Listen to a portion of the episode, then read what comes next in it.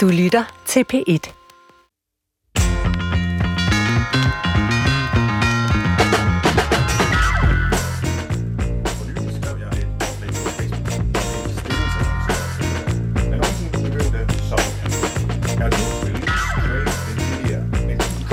eller erfaren Scrum Master, og vil du bidrage til at løfte den agile modenhed, fremme agile metoder, praktikker og mindset i Udviklings- og Forenklingsstyrelsen.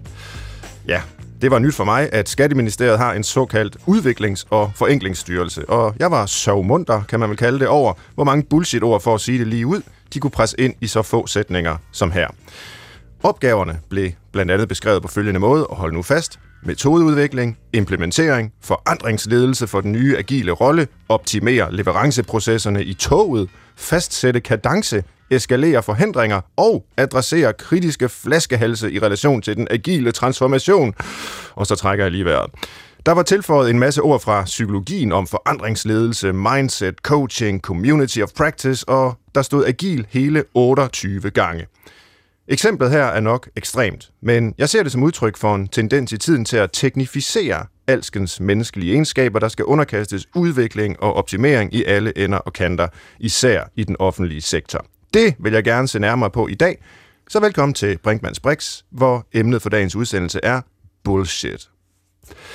Og her ved siden af mig, der øh, sidder min producer, Christoffer Heide Højer, og øh, du har faktisk printet mit opslag ud, og vil vist også gerne lige nævne det sidste, jeg skrev, så alle lyttere derude er med på min indignation. Ja, for man kan høre, du er indigneret, og nu, selvom jeg lige havde glemt at tænde for dig de første 15 sekunder af udsendelsen, så tror jeg, alle fik med, at det handler okay. om bullshit, og at, øh, at øh, det er noget, du ikke er særlig stor fan af. Og det, som du slutter dit opslag med, det er, at du skriver, det giver overhovedet, det giver overhovedet ingen mening, men med, det er agilt.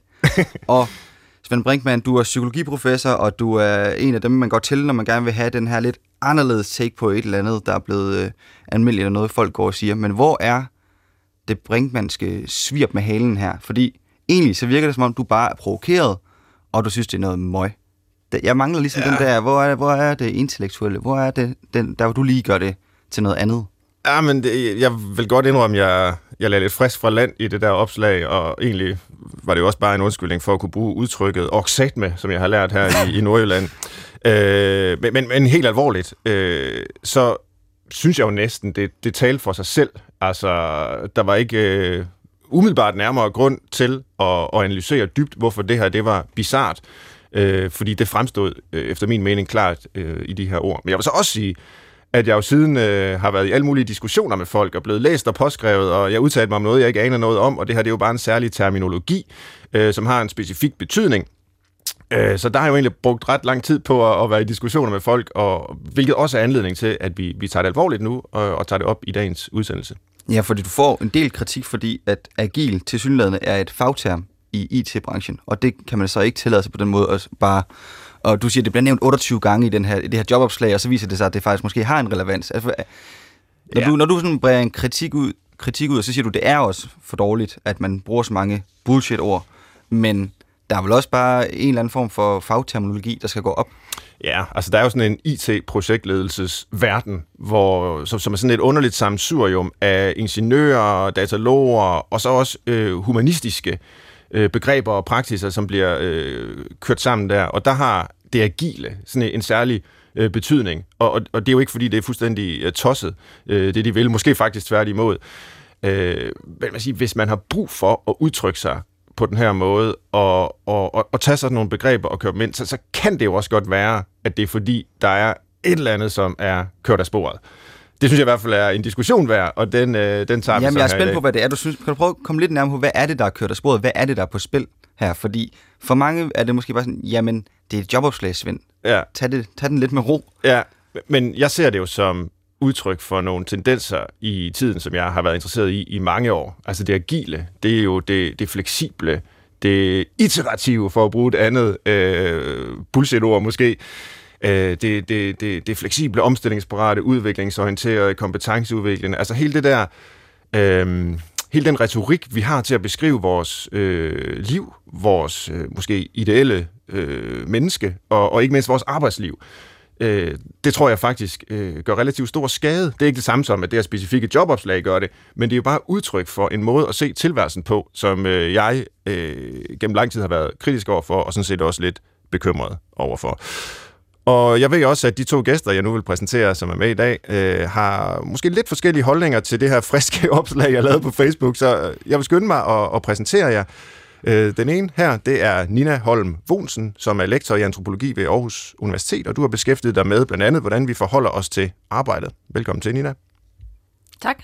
Og den anden ved siden af her, det er David Holt Olsen, og du er museumsinspektør på Industrimuseet i Horsens, og skriver også klummer i Jyllandsposten om blandt andet den her bullshit suppedags, som jeg mener, vi er faldet i. Og David, hvis jeg begynder med dig, er det et rimeligt udtryk at tale om bullshit suppedags, som om det bare er noget, vi, vi plasker rundt i, i, i det moderne samfund?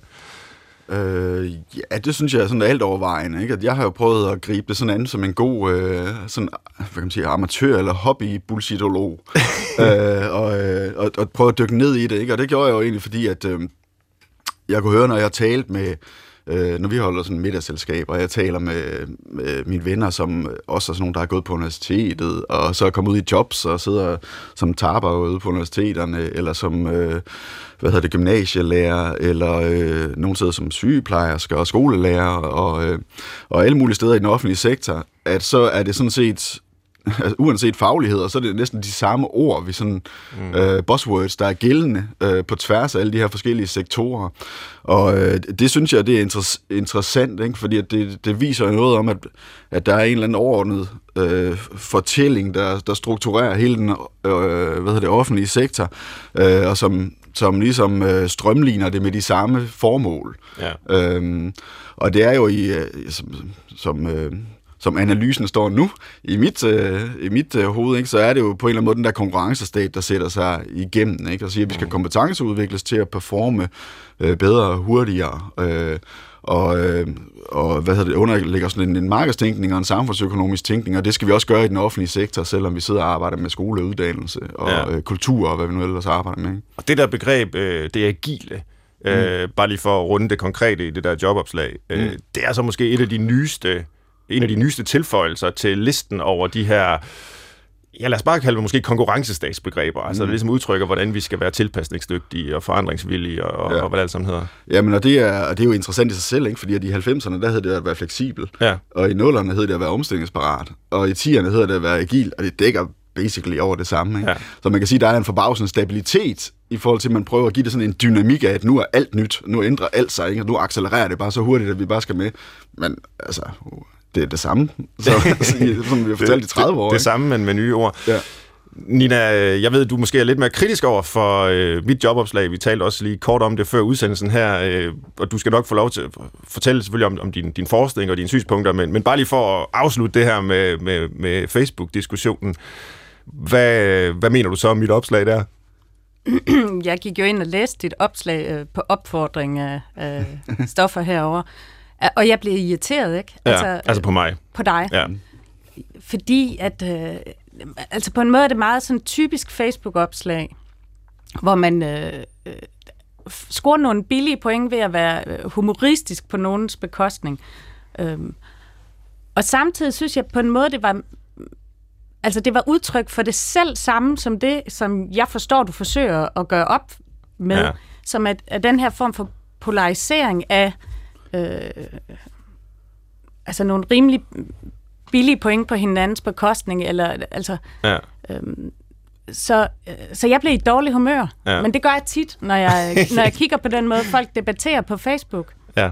Jeg synes ikke, det er en specielt interessant måde at have en samtale på.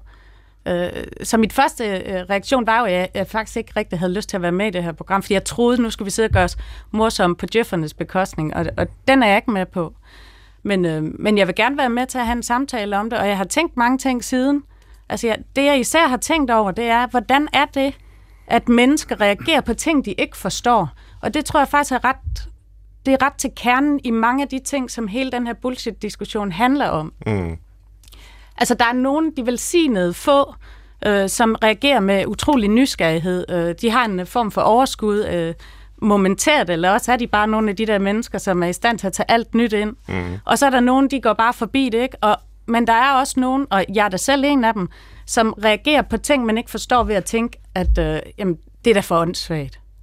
Altså når min øh, kæreste, han, øh, øh, som er vokset op i 80'erne, han gerne vil høre sådan noget øh, elektronisk musik, der bare boom, boom, boom. Altså, der er ingen udvikling i det for mig, vel? Jeg synes, det er åndssvagt. Men der, hvor man skal passe på, det er ved at abstrahere fra at sige, øh, jeg oplever det som åndssvagt til at sige, der er ingen mening med det. Ikke? Mm. Og, og måske det er det, der er tilbage til opslaget her, at ja. du forstår ikke, hvad det betyder. Det virker åndssvagt, men det betyder ikke, at det ikke betyder altså, noget. Jeg, jeg, bare til mit eget øh, forsvar, nu skal vi jo heller ikke diskutere det her opslag hele udsendelsen, men, men så er jeg på en eller anden måde nok så opblæst, at jeg bilder mig ind, at jeg faktisk godt forstår det. Øh, jeg forstår det så meget, at jeg kan se, at der er noget sige, bizart og nærmest meningsløst ved det. Øhm, og, og, og, og jeg havde nemlig den her diskussion med rigtig mange. Der var også nogen, der lavede en tegneserie på LinkedIn, hvor jeg var en af, af, af hovedpersonerne, der skulle udskærmes øh, sammen med Anne-Sophia Hermansen mm. fra Berlingeren, som også havde gjort sig morsom over det her opslag. Øh, der, der skulle vise, hvor, hvor ubegavet vi var, at vi netop bare kritiserede noget, vi ikke forstod. Øh, og, øh, og, der, og der vil jeg jo sige, altså, jeg kommer fra, fra psykologien, som er øh, det, det tør jeg så godt sige, fordi det er min egen videnskab, øh, stor producent af bullshit-begreber, øh, som så flyder ud i alle mulige ender og kanter af samfundet, også ind i sådan noget med projektledelse, og altså, der er jo rigtig mange ord i det her opslag også, som mindset, coaching osv., altså som, som, som kommer fra psykologien, en måde at se mennesket på, som kommer fra psykologien. Øh, og, og det er også derfor, jeg, jeg så at sige godt turer øh, være, være kritisk over for det. Men, men, jeg, men det skulle du så ikke have gjort. Jeg synes, nej, men, og jeg synes, det er en fuldstændig fair pointe, øh, du, øh, du kommer med. Men, men, men, men samtidig så, øh, så er jeg ikke sikker på, at jeg er enig i, at, øh, at, at jeg ikke forstod det. Altså nogle gange så er der vel også noget, øh, som er galt. Altså hvor, hvor forsvaret ikke nødvendigvis ja. kan være, du forstår det bare ikke. Eller hvad? Jo, altså det tror jeg. Altså jeg tror faktisk, det er sådan, at du forstår det bare ikke. Men du forstår noget andet, og det er det, du ja. reagerer på. Ja.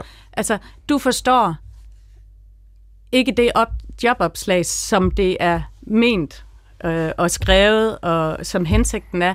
Det, du forstår, det er summen af det jobopslag, og alle mulige andre erfaringer, du har, du har haft. Ja, lige præcis. Der var, ja, der, der, altså, der udspillede sig en kæmpe diskussion. Der var nogen, der, øh, der, der, der støttede mig, vil jeg også øh, ja. tilføje. Altså, også folk faktisk fra den her styrelse, øh, som har skrevet til mig, og også øh, dataloger øh, og forskere på området, som siger, at det er et område, der er ekstremt inficeret af bullshit, og godt, at der er nogen, der, der, der, der siger det. Men ellers så er det jo mest over i den bløde humanistiske del, at jeg peger på bullshit. Det er tættere på min egen øh, faglighed, og det synes IT-folkene normalt er utrolig sjovt og, og griner af. Og når det så rammer dem selv med den her form for kritik, så er deres reaktion, jamen det er jo ikke bullshit. Det her det har nogle øh, særlige betydninger inden for vores område. Men det er jo det, alle kan sige. Øh, Fordi at isoleret set giver det mening. Mm. Altså jeg tror, det er det. Ja. Altså det giver isoleret set mening. Når du så sætter det sammen med en hel masse andre ting, ja. så kan du ligesom se, hvor fjollet det er.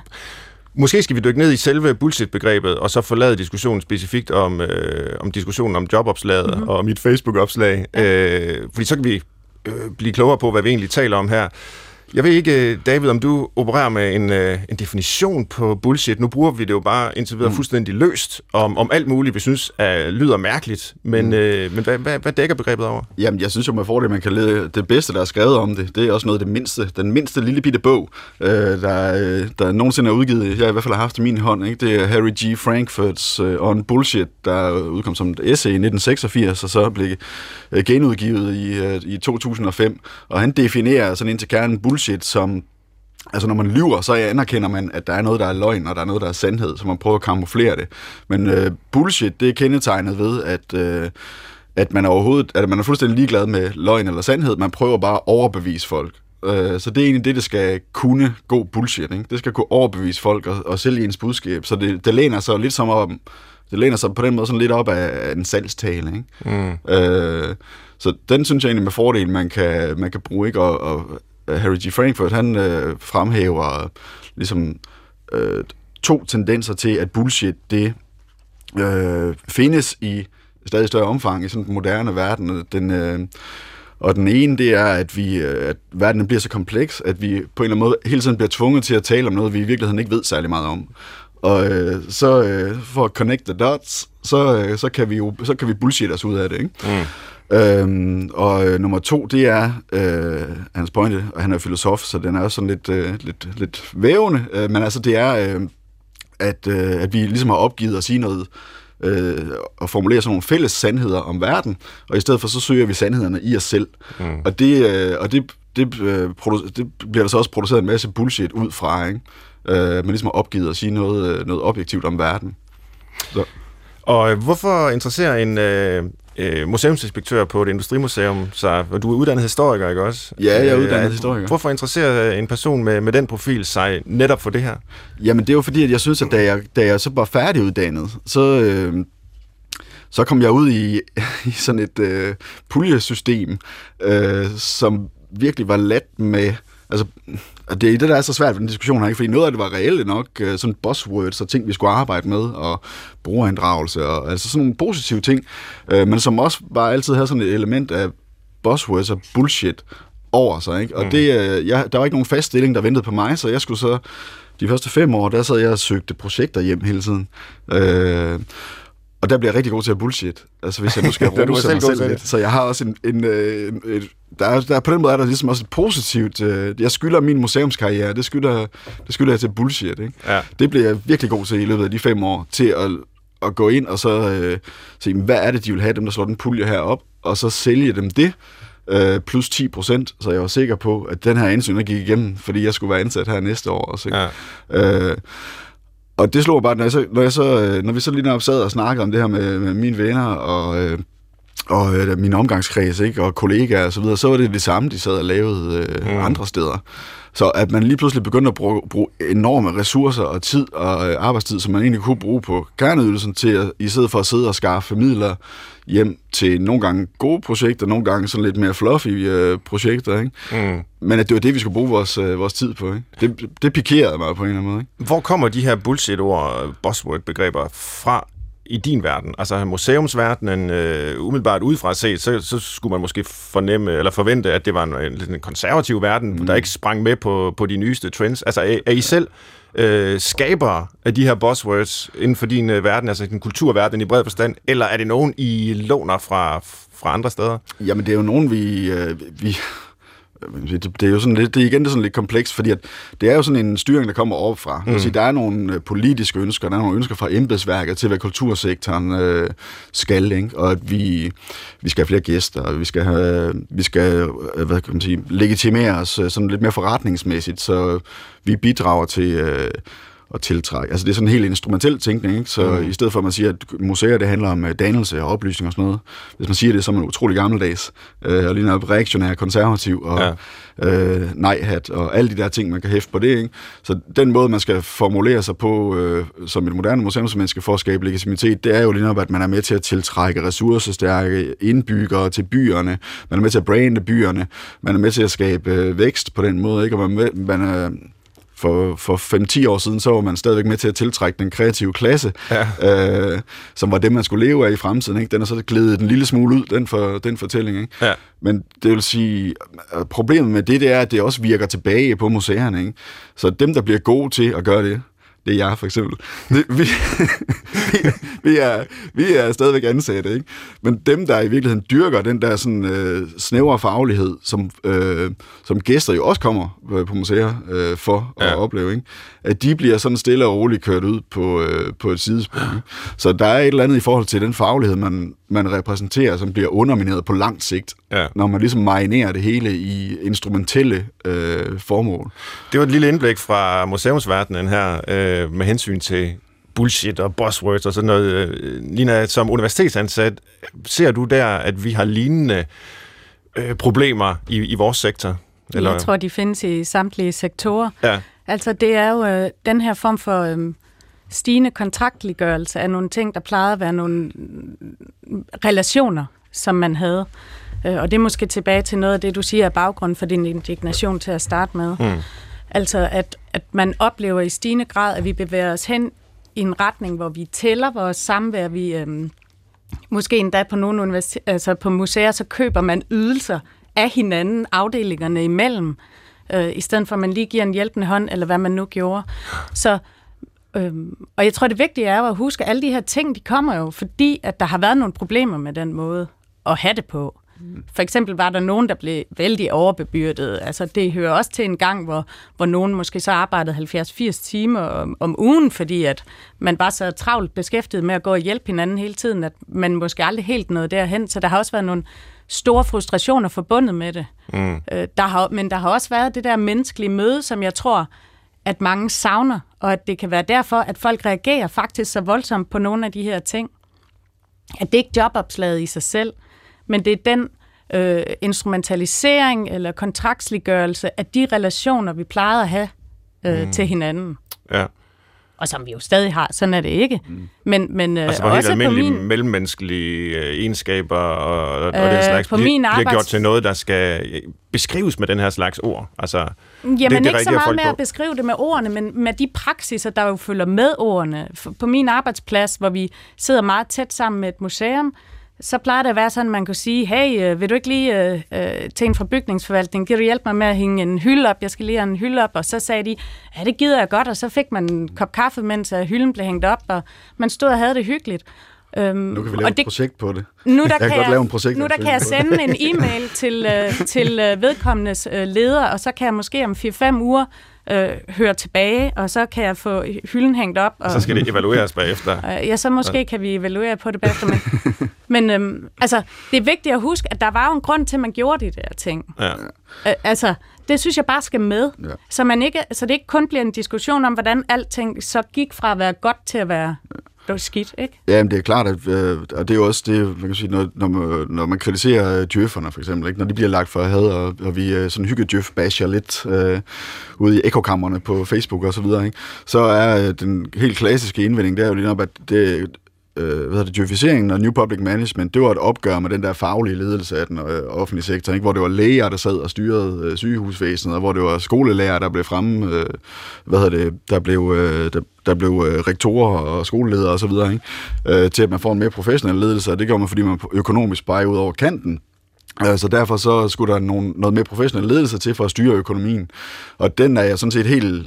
Altså der, der synes jeg bare aldrig, man kommer videre fra den diskussion til at sige, at det er helt fair, at der skal være en økonomisk rammestyring af øh, den offentlige sektor. Det er der ikke nogen, der er øh, uenige i. Så det er egentlig ikke der, diskussionen ligger. Diskussionen den ligger, når den styring den begynder at gå ned i fagligheden. Ikke? Hvordan, man skal, hvordan man skal prioritere det. Man må ligesom have en eller anden øh, økonomisk ramme, man skal agere indenfor, og så er der nogle faglige begrundelser og formål, som så er styrende derfra. Ikke? Og det er der, jeg synes, der er en tendens til, at noget af det... Øh, at noget af den styring, der er i den offentlige sektor, den går ned og underminerer det faglige også. Øh. Du lytter til Brinkmanns Brix om tidens bullshit, hvor vi øh, nu gerne skulle dykke lidt mere ned i, hvorfor jeg og vi reagerer på den her såkaldte bullshit. Og med mig i studiet er Nina Holm Olsen, som er lektor i antropologi ved Aarhus Universitet, og David Holt Olsen, museumsinspektør på Industrimuseet i Horsens. Og øh, mens vi har siddet og, og talt her, så har jeg spekuleret lidt på, om vi med det her bullshit-ord, vi har brugt øh, de første øh, 25 minutter af udsendelsen på, selv er i gang med at bullshitte. Mm. Altså, vi slynger det ud og anvender det om alt muligt, lige fra en jobannonce til konkurrencestat og forandringsprocesser i det offentlige, og hvad ved jeg. Øh, David, du var i gang med at definere det, eller det gjorde du sådan set med henvisning til, til Harry Frankfurt, filosofen der, men hvis vi skulle finde et ikke-bullshittende ord om det, vi taler om, Altså et godt dansk ord. Mm. Øh, for nu at sige det på den måde. Har vi så øh, begreber, der i forvejen kunne dække det? Altså kunne vi kalde det noget andet, som var knap så smart? Ja. Varm luft, det har jeg er- selv tænkt på. Men, øh, Jamen varm luft, og så er der også et, øh, som jeg egentlig også sagde før, der er sådan et element, der er salgstaler over det. Ikke? Ja. Altså det er den der forretningsgørelse af den offentlige sektor, hvor vi så alle sammen skal levere salgstaler, der øh, legitimerer. Så det er måske lidt mere afdæmpet ord, ikke? fordi at, man kan sige, hvis det er en præmis for alle øh, sektorer, at de skal lave reklame for sig selv over for myndighederne, øh, for, for at opretholde deres bevillinger, ikke? Mm. jamen så er det jo den præmis, der er. Det er bare sådan lidt en, det er en diskussion, vi ikke har. Altså, vi kommer aldrig rigtig til den diskussion, om, om vi skal bruge så meget krudt på at lave salgstaler over for, øh, over for det offentlige. Mm. Øh, men det vil jeg synes, det var, et, det var et udmærket og måske lidt mere neutralt. Ikke? Fordi det er klart, at når man siger bullshit, så det er sådan et hårdt ord. Ikke? Ja. Og øh, på en eller anden måde, så... Øh, det, det, øh, man udnævner sig også selv til sådan en eller anden form for intellektuel konge, fordi man har gennemskuddet det hele. Ikke? Ja. Så derfor så uh, anti-bullshit, det kan næsten være lige så meget bullshit som bullshit i sig selv. Ikke? Ja. Fordi man ikke er inde og, hvis man ikke er inde og, pille ordentligt ved det, og komme ordentligt intellektuelt omkring, hvad problemet er med, med de begreber, der bliver brugt. Ikke? Øhm, så, så jeg mener godt, at, at, at bullshit, det kan også uh, i sig selv være, være, være bullshit, ikke? Ja, jeg vil, øh, som den antropolog, jeg er, gerne gå, vende det rundt og starte et andet sted og sige, altså, der er jo ikke noget, der er bullshit. Bullshit, det er en dom, der bliver fældet af nogle bestemte mennesker i nogle bestemte situationer. Mm.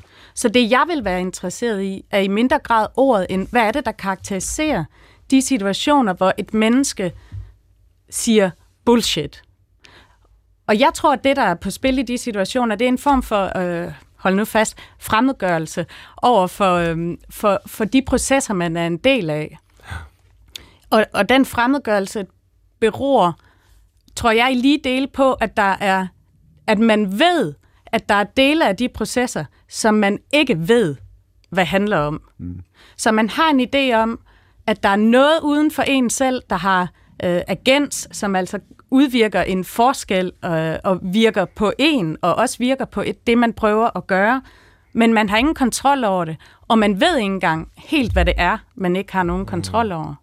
Kan du prøve at konkretisere det i forhold til nogle af de eksempler, vi har haft på banen, altså måske dels fra Davids øh, erfaring som øh, projektmager inden for øh, kulturindustrien, øh, eller, eller din egen erfaring som øh, forsker på et universitet? Altså, hvad, hvad, hvad er det, vi sidder og reagerer på der? Øh, hvad er det for en fremmedgørelseserfaring, du, du taler om? Øhm, jeg tror, det er, når man får, øh, altså hvis jeg kan gå til øh, mit forskningsfelt, som er, øh, hvor jeg har kigget på beskæftigelsesindsatsen ja. øh, i jobcentrene, som jo tit er sådan noget, der bliver gjort vældig meget grin af. Øh, så det, nu får jeg at vide, at jeg skal holde hænderne i ro, det vil jeg så øh, forsøge at gøre, holde mig selv i hånden her. Så noget af det, som, øh, øh, som som kendetegnede de sagsbehandleres oplevelse af deres arbejde, det var, at der var nogen, der træffede nogle beslutninger et andet sted i systemet, som havde vældig stor betydning for deres arbejdsliv. Det var faktisk en, øh, en øh, oplevelse, de delte med de mennesker, der kom ind øh, på jobcentret. At der var nogle mennesker, som træffede nogle beslutninger, der havde vældig stort indflydelse på deres liv. Det her, nogle mennesker, der træffer nogle beslutninger, det kaldte de systemet. Altså, så det er den her idé om systemet, som jo ikke er noget i sig selv, men som er et sted, hvor der bliver produceret en frygtelig masse beslutninger, som har stor indvirkning på øh, mit personlige arbejdsliv. Mm-hmm. Så det kan for eksempel være, at en, øh, en kommunal afdeling pludselig får at vide, nu skal I sætte hele fokus på at, at reducere sagsbehandlingstiden. Det er jo rigtig, rigtig fornuftigt. Øh, især hvis der er nogen, der sidder og venter på de afgørelser. Ja, det er vel ikke bullshit at sige Det er jo sådan ikke noget, vel? bullshit. Nej. Hvis der så samtidig... Øh, men det, som de så sagde, det var, jamen, hvis vi lægger hele vores fokus her, hvad er det så, vi skal holde op med at gøre? Det er jo ikke sådan, vi havde 10-15 procent af vores arbejdstid, hvor vi sad og lavede ingenting, som vi nu kan lægge den her arbejdsopgave ind i og lade fylde. Der er noget, vi skal holde op. Og når man lægger de to ting sammen, Altså, at man skal lægge større fokus et sted, og man skal lade være med at gøre et eller andet random, som faktisk også var helt vildt centralt, så er det, at, at, øh, at folk begynder at opleve det som, øh, som tåbeligt, eller dumt, eller absurd, eller meningsløst, eller bullshit, eller fælder alle de her domme. Altså i virkeligheden tror jeg, at når folk råber bullshit, så leverer de en mini-analyse, der siger, der er flere forskellige rettede målsætninger, øh, der er ved at blive indfriet, eller ikke indfriet lige nu. Mm. Altså flere forskellige ting, vi skal, som vi lige nu er i gang med at gøre og underminere på en og mm. samme tid. Ja, så det du siger, det er, at der kan være en, eller det ved jeg ikke, om det er, men nu prøver jeg at mm. udlægge mm. det, en, en mm. diskrepans, der kan være en diskrepans mellem, øh, hvad man øh, oplever af for eksempel øh, stramninger, nedskæringer, effektiviseringer, som kan være legitime nok jo, men som så samtidig måske kan blive øh, serveret for en i et sprog, hvor, hvor, hvor, hvor det hedder noget andet. Altså hvor der bliver talt, nu hedder det jo for eksempel Forenklingsstyrelsen her i vores eksempel, eller Moderniseringsstyrelsen har, har vi haft. Øh, man taler om effektivisering i stedet for nedskæring osv. Altså, så er det folk reagerer på den slags, fordi det, det, det, er, en, det, er, fremmed, det er fremmedgørende, det svarer ikke til den verden, de faktisk øh, oplever, og så angriber de ordet, øh, Ja, fordi jeg tror, i, i de stedet her for steder- systemet, eller, eller hvordan? Ja, de her steder bliver ligesom øh, eksponenter øh, for alle de her ting. Ja. Så sådan et sted som Moderniseringsstyrelsen, upåagtet at måske er der ingen af os her i rummet, der faktisk ved, hvad Modernisering- Moderniseringsstyrelsen laver, enten at udbetale min løn eller eller andet, jeg kan ikke huske det. Men altså, fordi, at bare fordi det har det irriterende navn, Moderniseringsstyrelsen, som ingen mening umiddelbart giver for os, så bliver det ligesom sådan et sted, vi alle sammen peger hen, når vi oplever de der øh, irriterende øh, Ja. øh, krydspres, ville der også være nogen, der kaldte det, eller, eller ting, der strider i forskellige retninger, som vi skal på samme tid. Ikke? Jeg skal både øh, udgive internationale peer-reviewede tidsskrifter og søge penge og øh, få mine studerende hurtigere igennem og undervise mere og altså Ja. jeg skal gøre alle de ting på én gang. Men hver gang, at man gør to eller tre af dem, så underminerer man en af de andre, ikke? risikerer det at blive øh, en strid om ord, øh, David Holt Olsen, øh, frem for en grundlæggende kritik af, af de systemer, man finder uhensigtsmæssige. Mm. Ja, det gør det jo, hvis man ikke, øh, øh, hvad kan man sige, leverer kritikken tilstrækkeligt øh, præcist. Øh, så er det klart, så, så er der bare ordene og skældsordene, som du jo fint, øh, fint øh, redegør for. Det, øh, og det er lige nok der, at, at det tvinger, det, hvis man vil fælde sådan en dom som bullshit, ikke, så tvinger det også en til at, til at levere analysen op imod, ikke? og levere magtkritikken, hvis det er, hvis det er sådan en, man vil levere. Mm. Jeg tænkte på, øh, da jeg forberedte mig til det her, hvor jeg selv ligesom havde læst om bullshit-ordet, og, og Frankfurt, filosofen der, er jo en kilde, men der er inden for, for din videnskab, øh, Nina, antropologien, en, øh, en, en David ret... Graeber. David Graeber, som har skrevet om bullshit jobs, Ja. øh, hvor han mener, og det, det vil jeg så spørge, om, om du er enig i nu, men altså, at op imod halvdelen af de jobs, det er også lidt markant dom at fælde, som vi har i de vestlige samfund, de er bullshit jobs, altså som egentlig er uden reelt indhold, som ikke skaber noget, der har værdi for, for, for samfundet. Nej, Øh, det er du ikke enig i? nej, Nej. det er jeg ikke, men jeg ved godt, hvad det er, hvad det er han gerne vil sige, ikke også? Ja. Altså, og, øhm, og jeg tror, det er her, vi kommer tilbage til hele den der djøffer-bashing. Ja. At bare fordi jeg ikke kan se pointen med at have en medarbejder, der sidder og laver øh, agil øh, scrum mastering, eller hvad pokker det var, fordi det betyder ikke, at der ikke faktisk er et rigtig, rigtig godt formål med at gøre det. Jeg kan bare ikke gennemskue det, vel? Og det bliver sådan noget tomt. Så, så det er den ene del af det. Det er igen tilbage til det der med, jeg ved faktisk ikke helt, hvad det er. Det virker åndssvagt. Kan Men vide, det om kan jo også være, at der mening. ikke er et reelt formål med det. Det, nej, det Altså, tror det er jeg vel en åben ikke. mulighed? Ja, det er en helt åben mulighed. Og, øhm, og jeg tror, at der, hvor øh, Dennis Nørmark med sin pseudoarbejdebog har gjort et rigtig fint stykke arbejde, det er ved at prøve at dykke ned i og sige, jamen, hvor er det, de her ting finder sted? Jeg tror ikke, du finder det i den offentlige sektor i særlig høj grad. Fordi vi laver fandme noget konstant alle sammen hele tiden, øh, som har et formål så er der det der med, om summen af de formål ligesom underminerer hinanden i den grad, at det kan virke fuldstændig åndssvagt. Altså mm. når man tager det, det store perspektiv. Øhm, for eksempel jo- tilbage til jobcentrene, hvor man er så travlt beskæftiget med at indfri alle mulige målsætninger, men man samtidig nogle gange kan have oplevelsen af, at man faktisk forhaler folks helbredelse, eller gør folk mere syge. Ja. Altså, så, øh, men det betyder ikke, at alle de ting, man så gjorde, at de ikke havde et formål. Der, det er bare vigtigt at skelne mellem, om ting har et formål, eller om de er for, altså, Ja. Jamen, og så er der også den med, om man er enig i formålet. Ikke? Ja, at der er et eller andet præcis. der, fordi at der, mm. vi har jo aldrig nogensinde haft... Øh, altså på en eller anden måde har jeg faktisk en vis respekt for Bjarne Korydon, fordi han stillede sig op og sagde, jeg tror på konkurrencestaten. Det kan man jo, så kan man gå ind i en politisk debat med ham om det, men det er der ikke nogen i, altså i hele den lange periode, hvor konkurrencestaten er ligesom sådan gradvist er blevet øh, indført og implementeret i, øh, i øh, tænkningen af øh, især den offentlige sektor, ikke? der har jo ikke på den måde været sådan en kæmpe stor politisk debat om det, hvor vi er uenige om det, og nu er vi så enige om, at øh, for eksempel kulturlivet, hvor jeg kommer fra, det skal ikke handle om dannelse og oplysning, men nu skal det altså handle om deres bidrag til samfundsøkonomien. Den har jeg aldrig nogensinde set, den diskussion, og den har heller ikke blevet løftet særlig godt af, af os, der sidder i kulturen selv. Altså det eneste sted, hvor jeg egentlig har set et modtryk til den form for tænkning, det er jo inden for øh, med folkeskolereformen, ikke? Altså, hvor der blev mobiliseret noget intellektuel modstand til den måde at tænke læringsmålstyring i folkeskolen, mm. som jo øh, altså, som, vil, som er næsten løb sejrigt ud af det. Ikke? Mm. Nu er læringsmålstyring næsten næsten afskaffet i, øh, i folkeskolen. Ikke? Mm. Så der er også et eller andet der, hvor politikerne de har ikke taget os i ed i forhold til, om er vi er enige i, at de her ændringer, de er, det, det er den måde, vi skal drive den offentlige sektor på. Og det er der, der godt kan opstå en frustration nedefra. Ikke? Det er, hvis man grundlæggende er uenig i de rationaler, der bliver lagt ned over arbejdet, og de formål, øh, man lægger ned over... Øh, over den offentlige sektor, så, så har man jo et problem, ikke? Især har vi et demokratisk problem, fordi at mange af de rationaler, der bliver lagt frem, og som du så bliver inviteret til at være enig eller uenig med, det er nogle meget komplekse økonomiske analyser, som, ja. som ingen af os har forudsætningerne for at kunne tage stilling til. Og det er meget, meget svært at flytte debatten hen til et ideologisk øh, spørgsmål, fordi det er i så høj grad øh, undersøgelser og statistikker og mm. øhm, øh, øh, forsøg på evidensbasering, som driver øh, den retning, at, øh, at den udviklingen af den offentlige sektor går i. Ja, men man kan og, også sige... Ja, undskyld. Ja.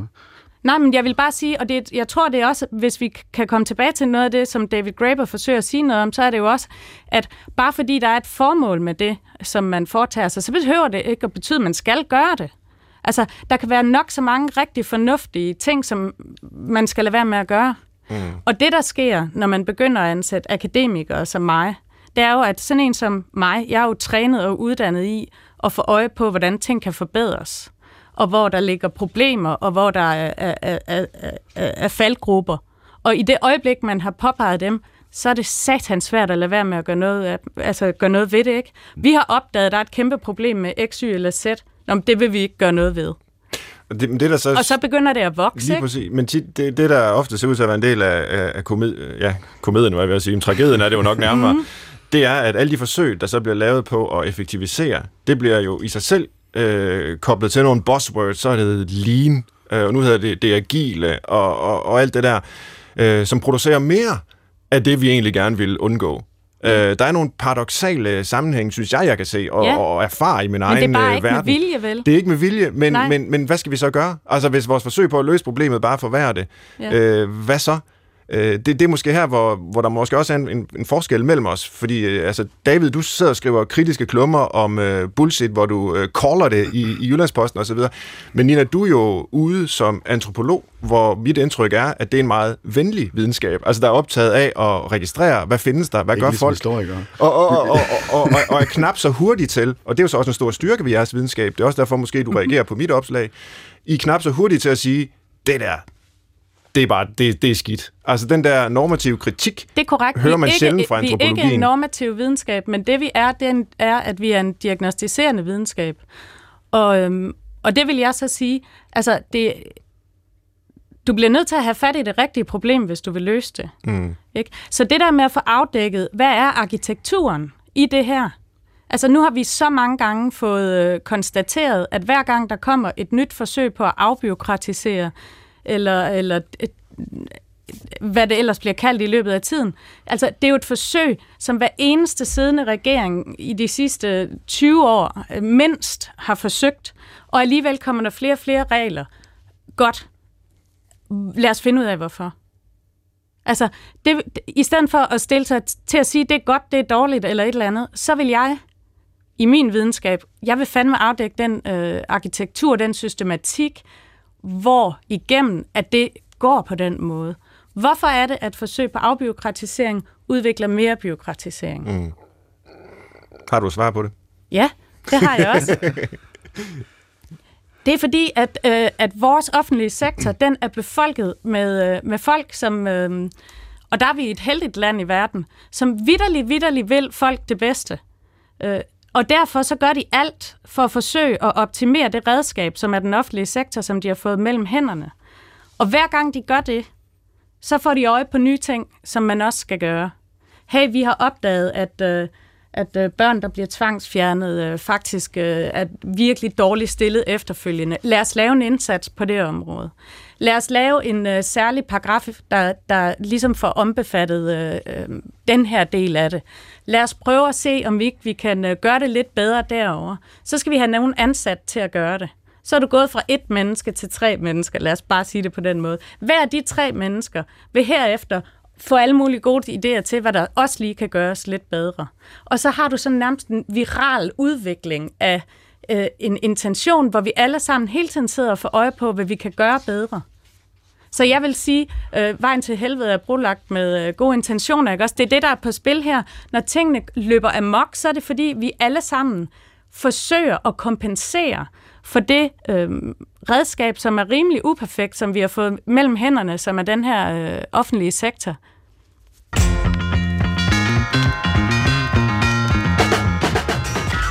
Du lytter til Brinkmanns Brix på P1, og i dag taler vi om bullshit, og dermed om tendensen til, at vores arbejds-, uddannelses- og til dels privatliv bliver invaderet af floskler, målinger, krav og mange andre ubehagelige ting, der ikke ligefrem fordrer et godt liv.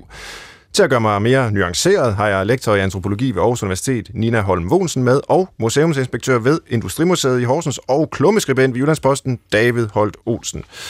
Og jeg har også øh, min gode producer, Christoffer Heide Højer med, og øh, du er jo ikke akademiker, øh, så jeg vil spørge, om vi er blinde for noget, når vi tre sidder og diskuterer, som vi gør her. Øh, oplever du også bullshit og, og, og, og de her mål og krav i dit liv? Ja, absolut. Vi har lige holdt øh, i fredags en times samtale om, hvordan vi skal holde mus-samtaler.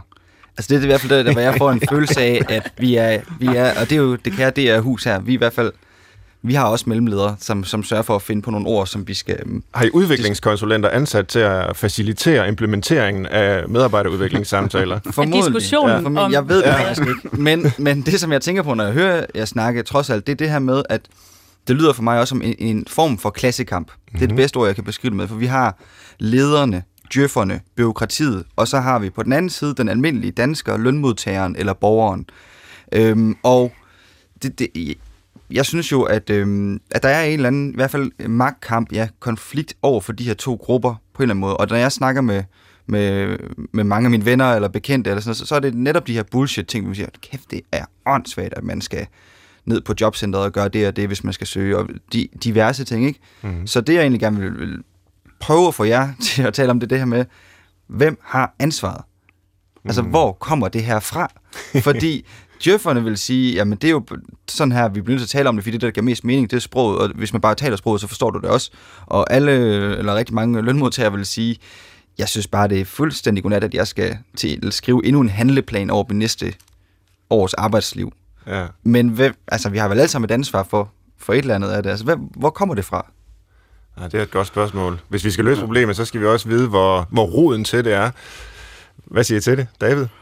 Ja, men øh, Altså, hvor det kommer fra, det har jeg måske svært ved at svare. Øh, det skal jeg lige tænke lidt over. Men i forhold til det der med altså, at se det som en klassekamp, der er det, jo, det er jo lige sådan et begreb for sådan en som øh, sådan en historiker fra et industrimuseum. Ikke? Ja. Men, øh, men det er måske heller ikke lige det begreb, jeg vil bruge om det. Ikke? Fordi, men det er klart, at i den offentlige sektor, som vi lige har siddet og snakket om, der er en eller anden form for kamp imellem dem, der bliver styret, og de øh, styrende. Ikke? Det, øh, det er oplagt, men jeg tror i virkeligheden også, der er, at du har en point i forhold til, at der er en eller anden kamp imellem nogle sociale grupper. Altså hvis man læser sådan en, en øh, bog som Singulariteternes øh, samfund af, den tyske sociolog Andreas uh, Rikvits, så siger han lidt op, at senmoderniteten, det er kendetegnet ved, at det bytter om på det almene og det særlige.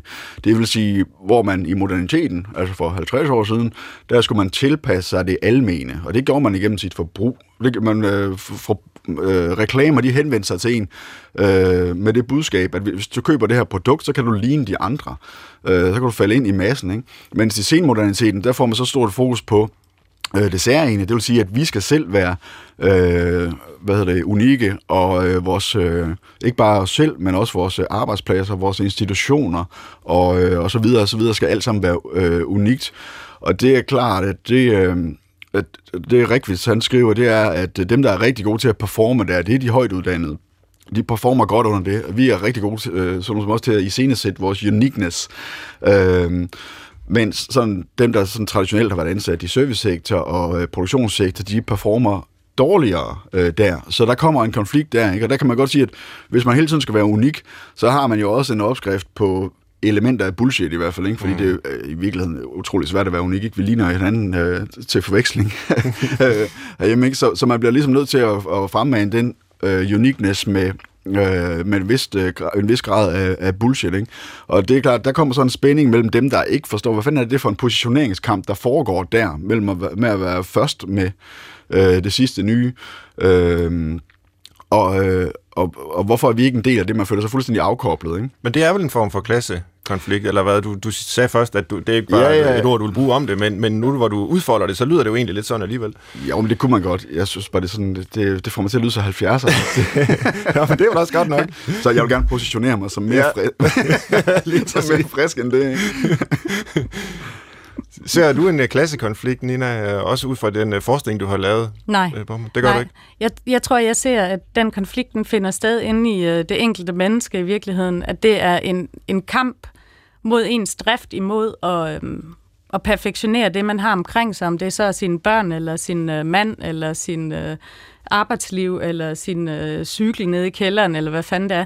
Altså, den der drift hen imod at, og, kunne se, at man har været der simpelthen. Øhm, den kamp mod, øh, at at alt det arbejde, vi så får genereret for os selv, øh, ligesom synes at fange os. Så, så jeg tror, at øh, øh, hvor kommer de her ting fra? Jamen, de kommer fra os selv, men sådan er der meget få mennesker, der oplever det, tror jeg. Altså, det opleves som om, det er sådan en dyne af noget uden for os. Altså, selvfølgelig kommer der mange ting. Det er ikke mig, der har fundet på fremdriftsreformen og alt det der. Det kommer ikke fra mig. Men, men det kommer fra nogen, som mm. ikke havde den intention, at jeg skulle sidde og opleve det, jeg nu sidder og oplever som resultat af den, øh, af den rigtig gode intention, som det var på nogle områder. Mm.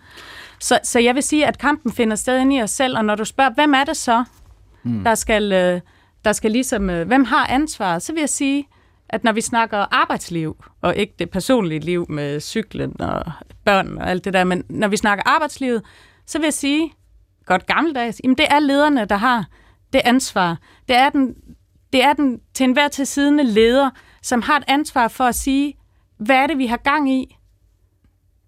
Og så simpelthen prioritere i det. Altså godt gammeldags sige, lige nu er vi i gang med at prøve at indfri de her ni forskellige målsætninger. Og så i stedet for at lave den der, som de fleste ledere gør, hvor man sådan løser det på et semantisk niveau, altså hvor man finder på en måde at i talesætte det, så den modsætning, den forsvinder. Mm. Så faktisk sige, jamen i praksis forsvinder den modsætning ikke. I talesættelse, det er jo, jo et, øh, et af de oftest udskældte øh, bullshit-begreber, ikke? og som man faktisk kan stadfæste præcis, hvor kommer fra. Det er nemlig Søren Gosvig Olesen, den danske filosof, som oversat Foucault engang. Øh, og, og, og skabte Foucault? det ord. Jeg kan ikke huske, hvad, hvad Foucault skrev på fransk desværre, men, men Gosvig der har simpelthen sagt, det, undskyld, det er min skyld, og han har jo At jeg brugte det ord. han skabte det ord, som jo simpelthen har gået sin sejrsgang alle mulige steder i universitetsverdenen, især inden for humaniora, ude i konsulentverdenen, vi skal i talesætte alt muligt, øh, fordi det er også sådan lidt øh, uforpligtende, at vi bare ligesom kan vælge vores version af virkeligheden. Vi i talesætter det bare, og så bliver Ja. det nok sådan, som vi taler om det. Ja. Øh, og det er jo også noget det, mange mennesker reagerer på, og det synes jeg var interessant, Ja. når man undtagelsesvis faktisk kan stadfæste præcist, hvor noget af det her bliver skabt. Øh, der har været tilsvarende... Det vi for kun nok havde, ikke? Altså, jo, jo, måske. Øh, men, men han kunne egentlig godt lide, at man gik tilbage til i arkiverne der og fandt udgangspunktet for et eller andet. Ikke? Men, øh, men, men der har været tilsvarende kronikker øh, fra folk, der, der, der stod bag New Public Management i Danmark. Ja. Nærmest sådan undskyldende. Det var ikke det, vi ønskede med det. Nej. Tilsvarende kronikker fra folk, der har skabt noget af, af sådan den øh, moderne pædagogik i Danmark, som også måske har været lidt udskældt for at være forløst og for, for, forløs og sådan... Øh, Øh, og, og, og nærmest har sagt undskyld, øh, det var ikke det, vi ønskede med det. Mm. Øh, er, er det det, vi skal til at have? Altså sådan en offentlig bodsgang, hvor bullshit-producenterne, som jeg sikkert også er en del af, og som vi måske alle sammen er en del af, fordi Ej, vi, er, vi er i den verden, træder frem og siger, ej, nu må vi stoppe med det her. Nej. Øh, Nej, vi har brug for nogle ledere, der siger, lad være med at gøre ja. det der. Lad være med det. Ja, det ville være skidesmart at gøre det der. Skal vi ikke lade være med at gøre det? Vi har simpelthen brug for at stoppe med at gøre ting, i stedet for at finde på nye ting at gøre. Men det er jo også farligt, ikke også? Fordi så begynder vi at gøre selv en lille smule overflødig. Vi, os akademikere, som er så gode til at løse problemerne. vi, vi skal ikke rigtig lykkes med, hvad vi vil, fordi så altså er vi i overflødige. virkeligheden skal vi afvikle os selv, ikke? Så, Ja, ja. Men jeg synes egentlig godt, man kan pege på nogle, øh, altså nogle sådan, øh, strukturelle ting, som øh, stimulerer det her. Altså, øh, udover at det selvfølgelig kommer som en, en drift øh, indefra i os selv, så, øh, så er det jo også en, det er jo en ny form for, for kapitalisme, der, mm. der er også gennemsyret det hele. Altså Boltanski og Chiapello har ud- udgav ja, det vist efterhånden 20 år siden, øh, kapitalismens nye ånd, hvor, de ligesom, hvor hovedpointen var det her med, at ungdomsoprøret, de kritiserede øh arbejdsgiver og øh, arbejdet for at være fremmedgørende og intetsigende, og øh, de kunne ikke realisere sig selv. Der var ikke plads til leg og fantasi og sådan noget. Ikke? Og så genopfandt kapitalismen sig så i en ny version, lige netop med den enkelte selvrealisering som øh, altså i centrum. Ikke? Mm. Og det er, jo, det er jo den kapitalisme, vi i høj grad øh, lever i. Så måske der i virkeligheden også, nu kommer jeg selv ud gammeldags igen, men øh, at, at der er grundlag for sådan lidt kapitalismekritik, ikke? at det også er en motor for en del af de her, alt det her bullshit, der bliver øh, produceret. Øh. Og det, det synes jeg er en vigtig øh, konklusion, som jeg i hvert fald tager med mig herfra, at sige, vi skal passe på ikke at lade diskussionen handle alene om ordene, og, og ligesom afte, eller hvad man vil sige, de her øh, bullshit-begreber, som, som sådan en som jeg i hvert fald synes, det er meget af det. Det gælder om at, at komme i dybden med, med de mere grundlæggende øh, strukturelle øh, og samfundsmæssige betingelser øh, nedenunder, og det, nu sidder jeg og nikker begge to, så det, det er en form for konsensus, vi har om det. Men alligevel, så kunne jeg godt tænke mig her mod slutningen og, og spørge jer sådan lidt åbent, hvor ser I bullshit bullshit-produktionen bevæge sig hen? Altså, hvad fornemmer I, I har fingeren på pulsen? nogle nye begreber, der bobler frem. Puls. Altså, David, du var i gang med sådan en uh, historisk udlægning af, hvordan det, det fleksible blev til det omstillingsparate, ja. der blev til det agile. Ja. Hvad er på vej? Hvad skal man være på vagt over for, hvis man gerne vil uh, holde øje med og kunne identificere bullshit, når man ser det? Øh, ja, men det er jo stort, det er jo et stort spørgsmål, men jeg tror, at den her modreaktion, der er mod øh, bullshit, den kommer ligesom til at, til at pille noget af det sådan øh, højenergisk, øh, sprogligt innovative ud af det. Ikke?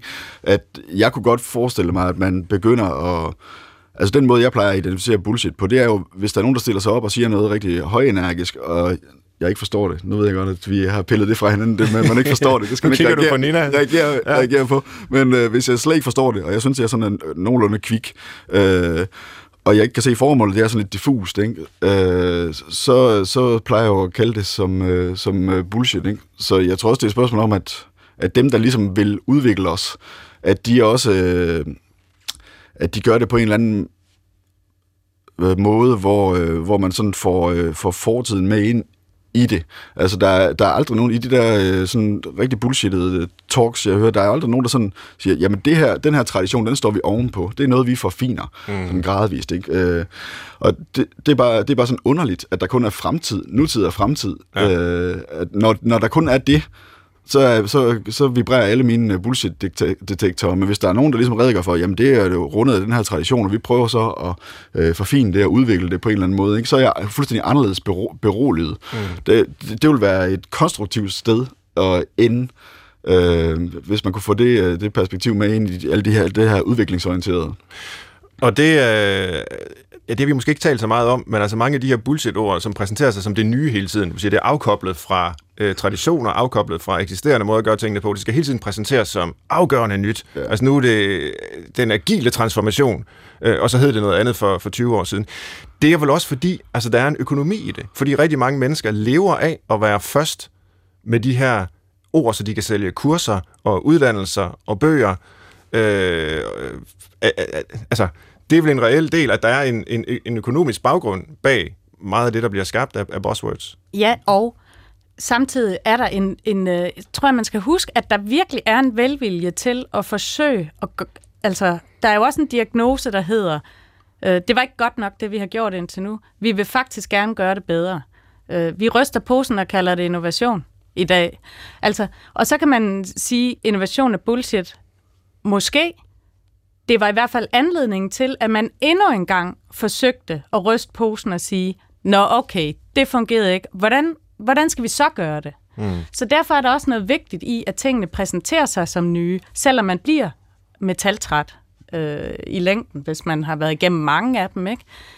Men det er jo også fordi, at man endnu en gang håber, at man faktisk er i stand til at, at, at løse det, som kan så være hvad som mm. helst. Og vi har lige et par minutter tilbage, og programmets faste afslutning, det er jo sådan set, at vi laver en, øh, en, en liste, hvor vi øh, måske samler op på, hvad vi har diskuteret, og giver den videre til lytterne, så man måske kan lære noget af det, tage noget med sig. Og David, du er faktisk i gang med at, at, at hjælpe os med at identificere bullshit. Og det kan være, øh, det er det, der skal være udgangspunktet for, for, for listen. Og nu må du lige øh, korrigere mig, men du sagde, hvis, hvis noget præsenterer sig som fuldstændig afkoblet fra fortiden, så er der i hvert fald en risiko for, at det kan være bullshit. Det, det, er, Det er et det, punkt. Det er der mine detektorer, de... Øh, Ja. Og du sagde også noget andet, nemlig at hvis ikke du forstod ja, det, så var det nok bullshit. ja, den, det, jeg ved ikke, om vi kan være, blive- det bliver vi nok ikke enige om at få det punkt. Jo, på en, jo, det tror jeg nemlig er et, et kernedefinitionsspørgsmål ved bullshit. Det er, hvis, hvis jeg ikke forstår det, så er det bullshit. og det er fordi, det er en oplevelse, der ligger inde i et menneske. Det er ikke nogen ting. Der er ikke noget, der i sig selv er bullshit.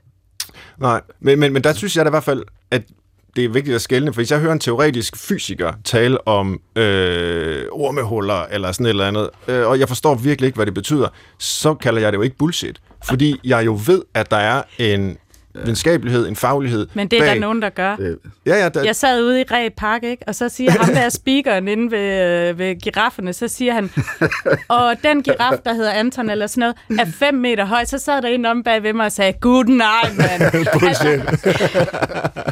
okay. Ja. Men, men, men det er jo her, der er altså, forskellige dimensioner øh, og forskellige former for viden. Ikke? Altså når vi taler om det, som handler om menneskelig sameksistens og menneskelig udvikling, hvor vi jo alle sammen i en eller anden grad er eksperter, fordi vi alle sammen er mennesker, der har med andre mennesker at gøre, så er det altså nemmere, synes jeg, da, at pege på, at noget er bullshit, end det er, når vi diskuterer teoretisk fysik. Øh, altså det, det er vel også der, man ikke ligesom bare kan sidestille tingene og sige, når vi ikke forstår noget, så er det nok bullshit. Det handler om, øh, hvilken erfaring vi, vi ligesom kan forvente sig at have med det. Men øh, okay, det var to punkter. Hvis noget er afkoblet fra fortiden, hvis man vidderligt ikke forstår det. Øh, Nina, har du et øh, input til listen? Hvordan vi kan identificere bullshit? Jamen, jeg tror jo ikke på det i Du på det. udgangspunktet, så det er jo svært at bidrage til. Ja. Kan jeg så tillade mig at dreje den som en form for øh, selvkritisk, øh, i, i en kri- selvkritisk bevægelse, så vi siger, pas på, at du ikke bullshitter, når du identificerer bullshit. ja. ja, den er god. Amen. Skal vi have den med? Den er god. Det var så øh, vores liste. Jeg håber, den øh, kan gøre nytte derude. Øh, I hvert fald har I lyttet til Brinkmanns Brix på P1, og vi havde Nina Holm Olsen og David Holt Olsen med. Tusind tak til jer begge to. Og man kan altid skrive til Brinkmanns Brix, dr.dk med forslag til nye programmer. Vi er enormt agile og forandringsparate. Vores mission er at facilitere lytterønskerne gennem interaktiv øh, networking. Og så kan man også altid finde flere af vores programmer som podcast på DR's radio-app, eller der, hvor du finder dine podcasts i det hele taget. Programmets tilrettelægger var Christoffer Heide Højer, og jeg hedder Svend Brinkmann. Tak fordi du lyttede med. Nu er klokken meget tæt på 11, og der er radioavis, og det er garanteret helt uden bullshit. Tak for i dag.